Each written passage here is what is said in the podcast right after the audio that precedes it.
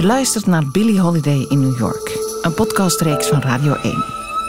In 2015 gingen Kurt Overberg en ik, Annelies Mons, naar New York om daar te zoeken naar het levensverhaal van Billie Holiday, tastbare overblijfselen en zelfs mensen uit die tijd.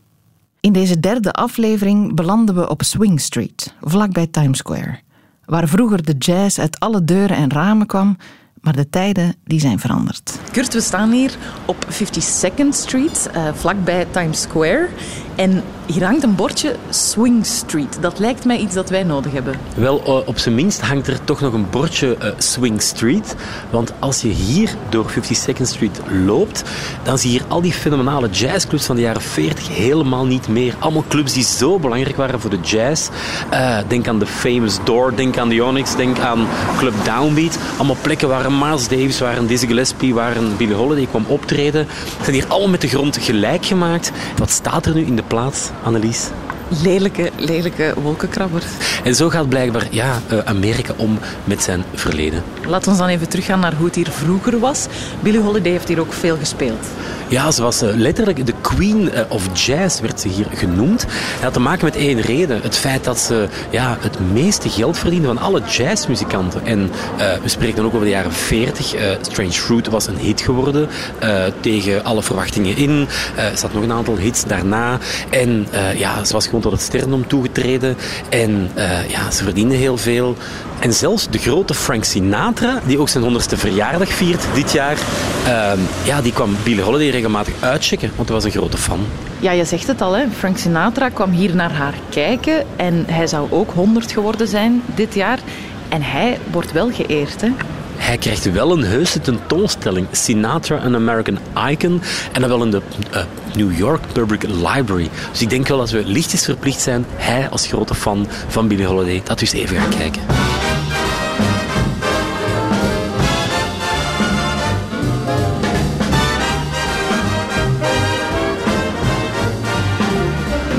Frank Sinatra en we hebben een tentoonstelling gevonden. Die is er niet over Billie Holiday. Frank Sinatra, The Voice. Mooie tentoonstelling, hè? Heel mooie tentoonstelling. Hè? Fantastisch in beeld gebracht ook. Ze is niet ongelooflijk groot, maar je leert heel veel over Frank Sinatra hier. Dat hij uh, ja, ook wel een harde leerschool heeft meegemaakt voor hij eigenlijk tot het sterrendom kwam. Dat is heel mooi gedaan. Kortom, hij wordt door het hele Amerikaanse volk en door alle Amerikaanse instituten hier gedragen we zien nu wel iets bijzonders.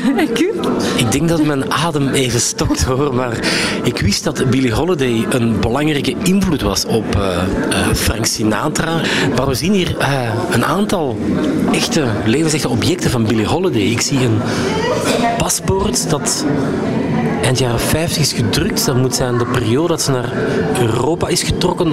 58, effectief. En er staat bij, uh, this passport is not valid for travel in Hungary. Daar mocht ze niet heen. nee, blijkbaar niet. Uh. Maar ik zie ook uh, daaronder nog iets heel decadents liggen eigenlijk. Ja, iets dat eigenlijk wel tot de verbeelding spreekt ook. Hè? Ja, het is een, hou je vast, een vossen sjaal. Ja. Je, je, kan honderd foto's van Billie Holiday naast elkaar leggen. En Billie Holiday zag er altijd anders uit op elke foto foto. En hier heeft ze echt letterlijk een vossenschaal aan. Die moet ongelooflijk veel geld hebben gekost.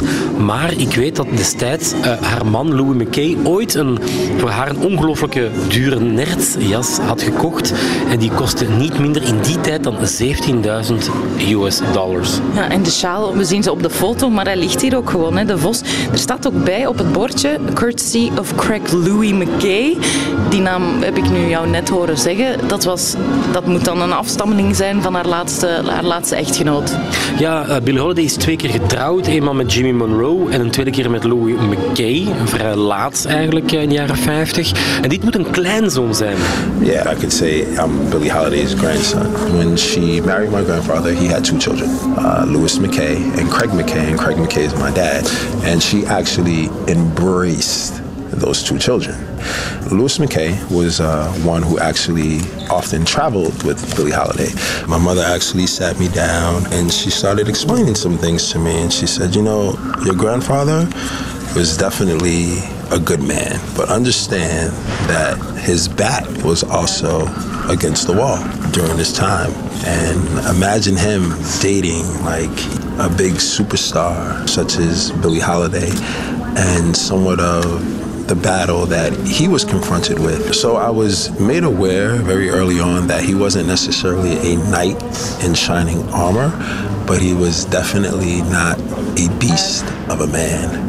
Okay, um, and I'm, I'm actually thankful for uh, what he was able to do just in terms of preserving. We wouldn't have this preservation of Billy's legacy right now uh, to share and to showcase many, many, many, many, many years later.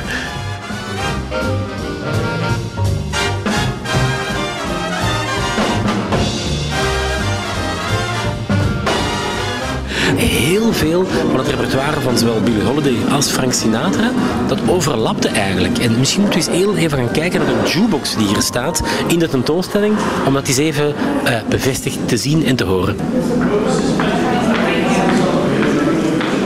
Ik zou eigenlijk heel graag het volgende nummer, je zult mijn keuze zo meteen horen, D8 Select. En het is eigenlijk Too Marvelous for Words. En dat is ook een nummer dat uh, Frank Sinatra gebracht heeft. Als we nu even heel hard zakken naar de onderkant van de jukebox, ben je even mee, Annelies? En misschien moeten we ook nog eens deze C3 even laten horen. I Get a Kick Out of You. Een hele grote klassieker, echt een Amerikaanse standard. Het is wel mooi dat ze dat uh, allebei ook op hun repertoire hadden staan. My story is much too sad to be told, but practically everything leaves me totally cold. The only exception I know is the case when I'm out on a quiet spree, fighting vainly the old ennui. And I suddenly turn and see your fabulous face.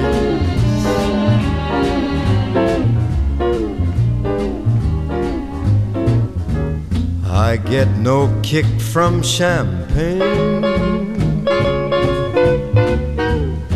Mere alcohol doesn't thrill me at all. So tell me, why should it be true that I get a kick out of you? Some they may go for cocaine. I'm sure that if I took even one sniff, it would bore me terrifically too. Yet I get a kick out of you. I get a kick every time I see you standing there before me. I get a kick, though it's clear to see you obviously do not adore me. I get no kick in a plane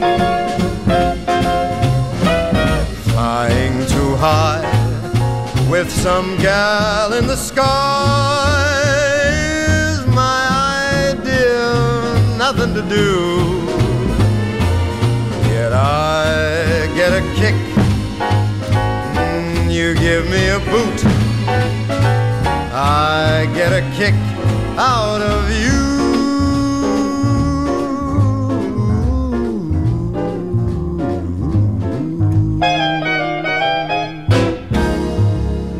Kurt, ik zie hier de billboards van Times Square. Dat is vlakbij en toch zitten we op een plek waar Billie Holiday ooit gearresteerd is. Hotel Marden.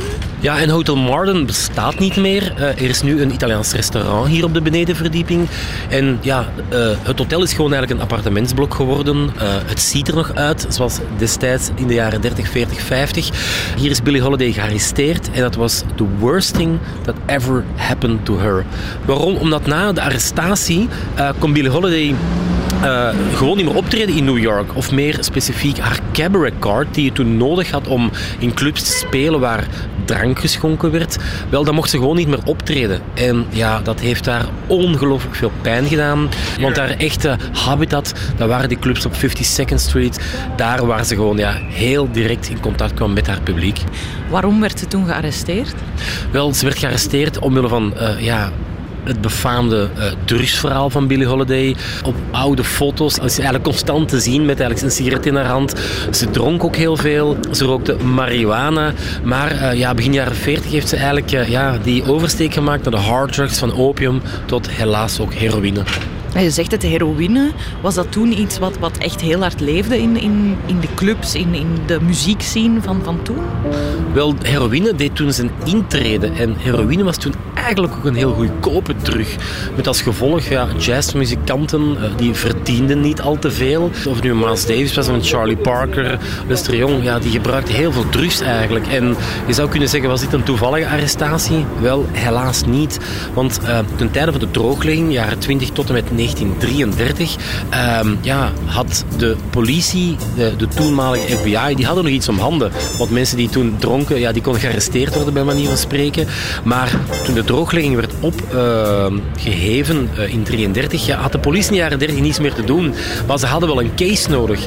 En ja, Bill Holiday, die toen al een slechte reputatie had in de zin van prostituee, uh, iemand die drugs gebruikte, wel, zij was de perfect case om te laten zien hoe slecht drugs eigenlijk wel uh, waren voor muzikanten of voor de bevolking in het algemeen. En zij was gewoon de case en eigenlijk ook de reden waarom dat Billie Holiday anno 2015 nog altijd een beetje ja, uh, niet echt gehonoreerd wordt zoals het moet zijn. Want Billie Holiday was door en door slecht. Ze was zwart, ze was bi, uh, ze was in de prostitutie gerold en ze had een ongelooflijk ja, drugsverleden met als gevolg dat Billie Holiday eigenlijk een beetje samen werd geduwd in die lagere sociale klasse, wat een heel jammer vaststelling is.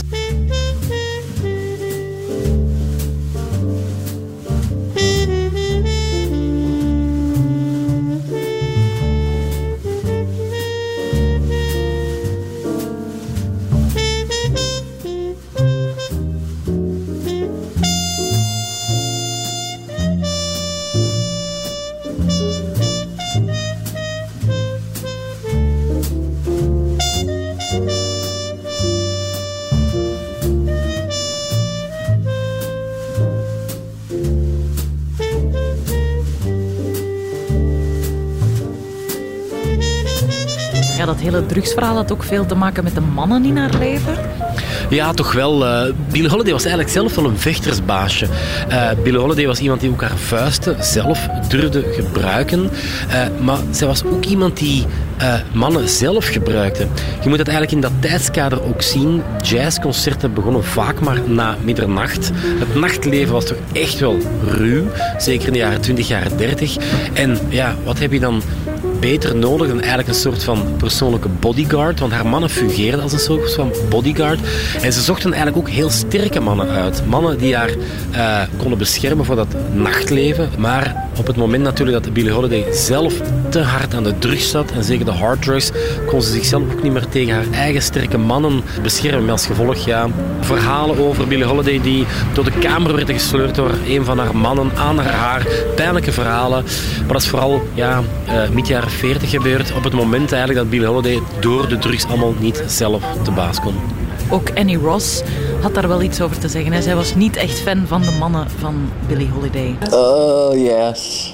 I wasn't fond of him. She didn't have the greatest taste in men. She was really alone. But I knew something was not right. Things got so screwed up, but she wasn't well. Bad luck? It cost me a lot, but there's one thing that I've got. It's my man. It's my man. hold the wet, tide you bet. All of this I'll soon forget with my man. He's not much on looks, he's no hero out of books, but I love him. Yes, I love him. Two or three girls has he that he likes as well as me, but I love him. I don't know why I should. Isn't true. He beats me too. What can I do? My man, he beats me too. What can I do? Toen uh, Billie Holiday dat in de jaren 30 opnam, had ze eigenlijk die befaamde zanglijn daaruit gehaald. In de jaren 40 dat ze dat eigenlijk terug in die uh, opname van My Man heeft gestoken. Er wordt altijd gezegd van Billie Holiday, ze zong wat ze leefde. En dat was eigenlijk wel een teken dat ja, dat moment echt wel enorm werd misbruikt door haar mannen met wie ze getrouwd was. Oh, my man, I love him so. He'll never know. All my life is just despair. But I don't care. When he takes me in his arms. The world is bright, all right.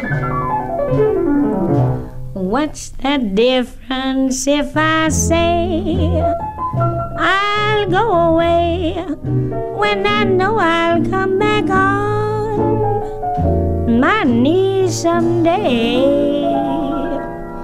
For whatever my man is. I'm his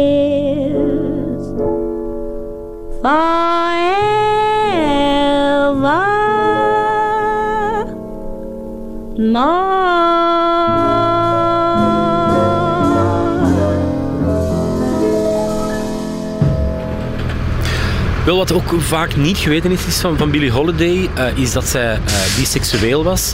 Um, zij woonde samen met haar mama uh, in Harlem, haar moeder Sadie. En ja, natuurlijk wou Sadie haar vooral, Billie ook vooral beschermen van mannen. Omdat ze natuurlijk ook in het verleden had gezien dat dat altijd maar slecht afliep. Met haar papa, haar buurman die haar misbruikte. het feit dat zij in de prostitutie is gegaan. Het feit dat Billie Holiday toen ze in Harlem bij haar mama kwam wonen, ook meteen eigenlijk het 20 dollar callgirl was. Met als gevolg dat eigenlijk Billie Holiday voor een stukje automatisch naar vrouwen werd gedreven. En Billie had daar een heel vreemde manier voor om zich voor te stellen als ze eigenlijk uh, toch wel uh, alweer eens met een vrouw naar bed wou gaan. En zat daar uh, als introzin voor Hi, my name is William. Dat was een zin die bekend was in het milieu. En op die manier wou ze eigenlijk wel aantonen van kijk, ik ben eigenlijk wel biseksueel. misschien kunnen we vanavond wel eens samen onder de lakens duiken.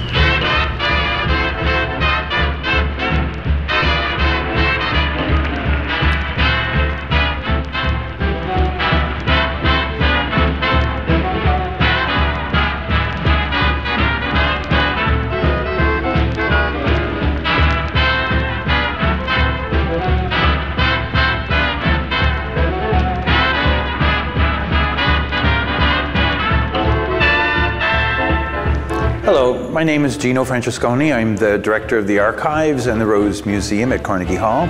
I don't even think it was two weeks after she got out of jail that uh, they decided to put a concert together at midnight here, and it was sold out in, in minutes, you know, and, and the audience went crazy. And uh, uh, we're very pleased that we have the press book. That's a real treasure. This is of the famous concert in 47, I think. Yeah, when she just got out of jail. They wanted to show that she was now clean, you know, she was rehabilitated, she was okay, she needed to go back out there. And it was wonderful that they chose our venue, you know. Ze hebben zoveel tickets verkocht destijds voor het concert toen ze net uit het gevangen kwam. En ze heeft eigenlijk een jaar niet uh, gezongen in uh, de gevangenis. Um, ze hebben zoveel tickets voor verkocht dat ja, ze echt zitjes op het podium hebben gegeven. Lady sings the blues. She's got 'em bad. She feels so sad. Wants the world to know just what her blues is all about.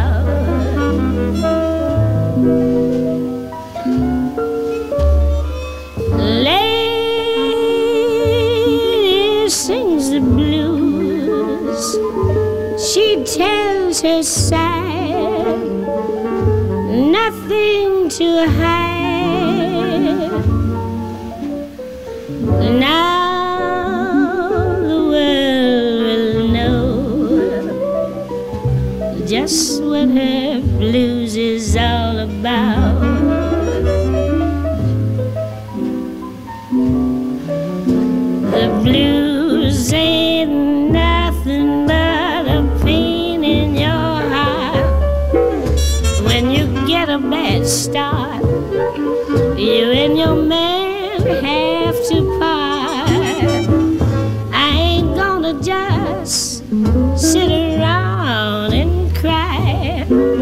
And I know I won't die because I love him. Lady sings the blues. She's got a man. She feels so sad. But now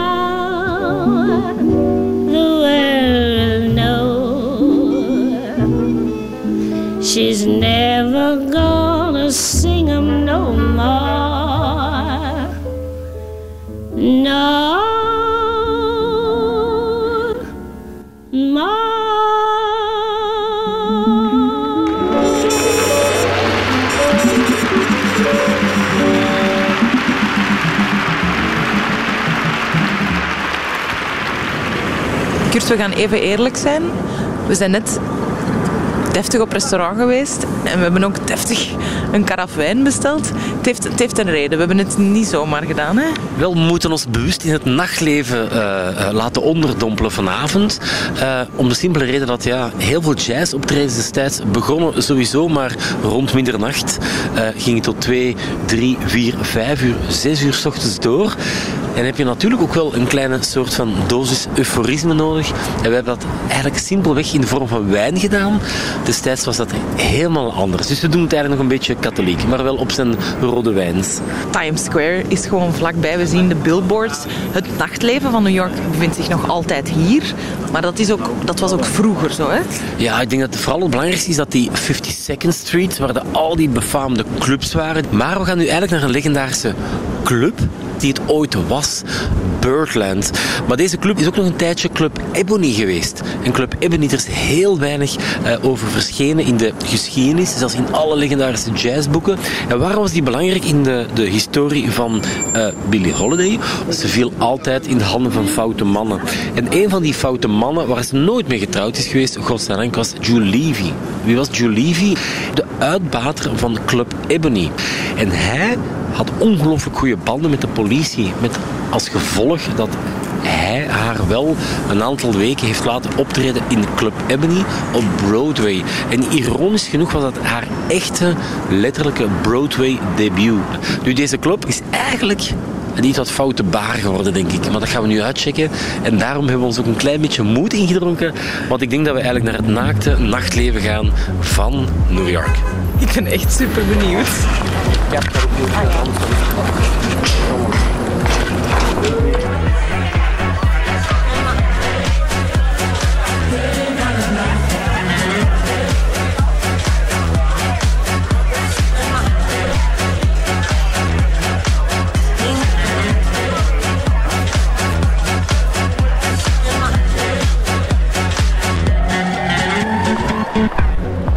zijn al op heel veel plekken geweest waar we dingen hebben meegemaakt die ik nog nooit heb meegemaakt. Maar in Club Ebony was het toch nog net iets anders dan ik verwacht had. Wel, het was eigenlijk gewoon een uh, ja, topless bar. De club heet tegenwoordig Flash Dancers. Maar uh, ja, de, de, club is gewoon een uh, titty bar, zoals ze hier dan in New York zeggen. Onze grote frustratie is en was dat er nergens Billie Holiday historical markers in New York te vinden zijn. Uh, eerste appartement bijvoorbeeld, daar hangt nergens een bordje van hier heeft Billie Holiday gewoond, hier heeft ze gespeeld, maar zouden we het willen dat er een bord hangt? Op dit moment uiteraard niet, nee. Je komt wel beneden in die club en, en, en je hoort voor eerst verschrikkelijke muziek. Uh, laten we daar duidelijk over zijn. Er zijn al heel veel kelders geweest in New York, zowel Café Society, uh, Monet Moore, Supper Club. Dat zijn allemaal clubs waar je naar beneden gaat, waar dan hoge kunst wordt uh, uh, gebracht. Maar het zal waarschijnlijk nooit meer veranderen. Want de club is hier al sinds eind jaren 70. Dus dat is ondertussen ook alweer al flink wat aantal jaren. Dus, Radio 1. Dit was de derde aflevering van Billie Holiday in New York. Een podcast van Radio 1 gemaakt door Kurt Overberg en mezelf, Annelies Moons. In de volgende en laatste aflevering gaan we samen met muzikant en zanger Jose James op zoek naar het letterlijke laatste overblijfsel van Billie Holiday voor een passend erebetoon. Meer fijne podcastverhalen vind je in de app van Radio 1 en op radio1.be.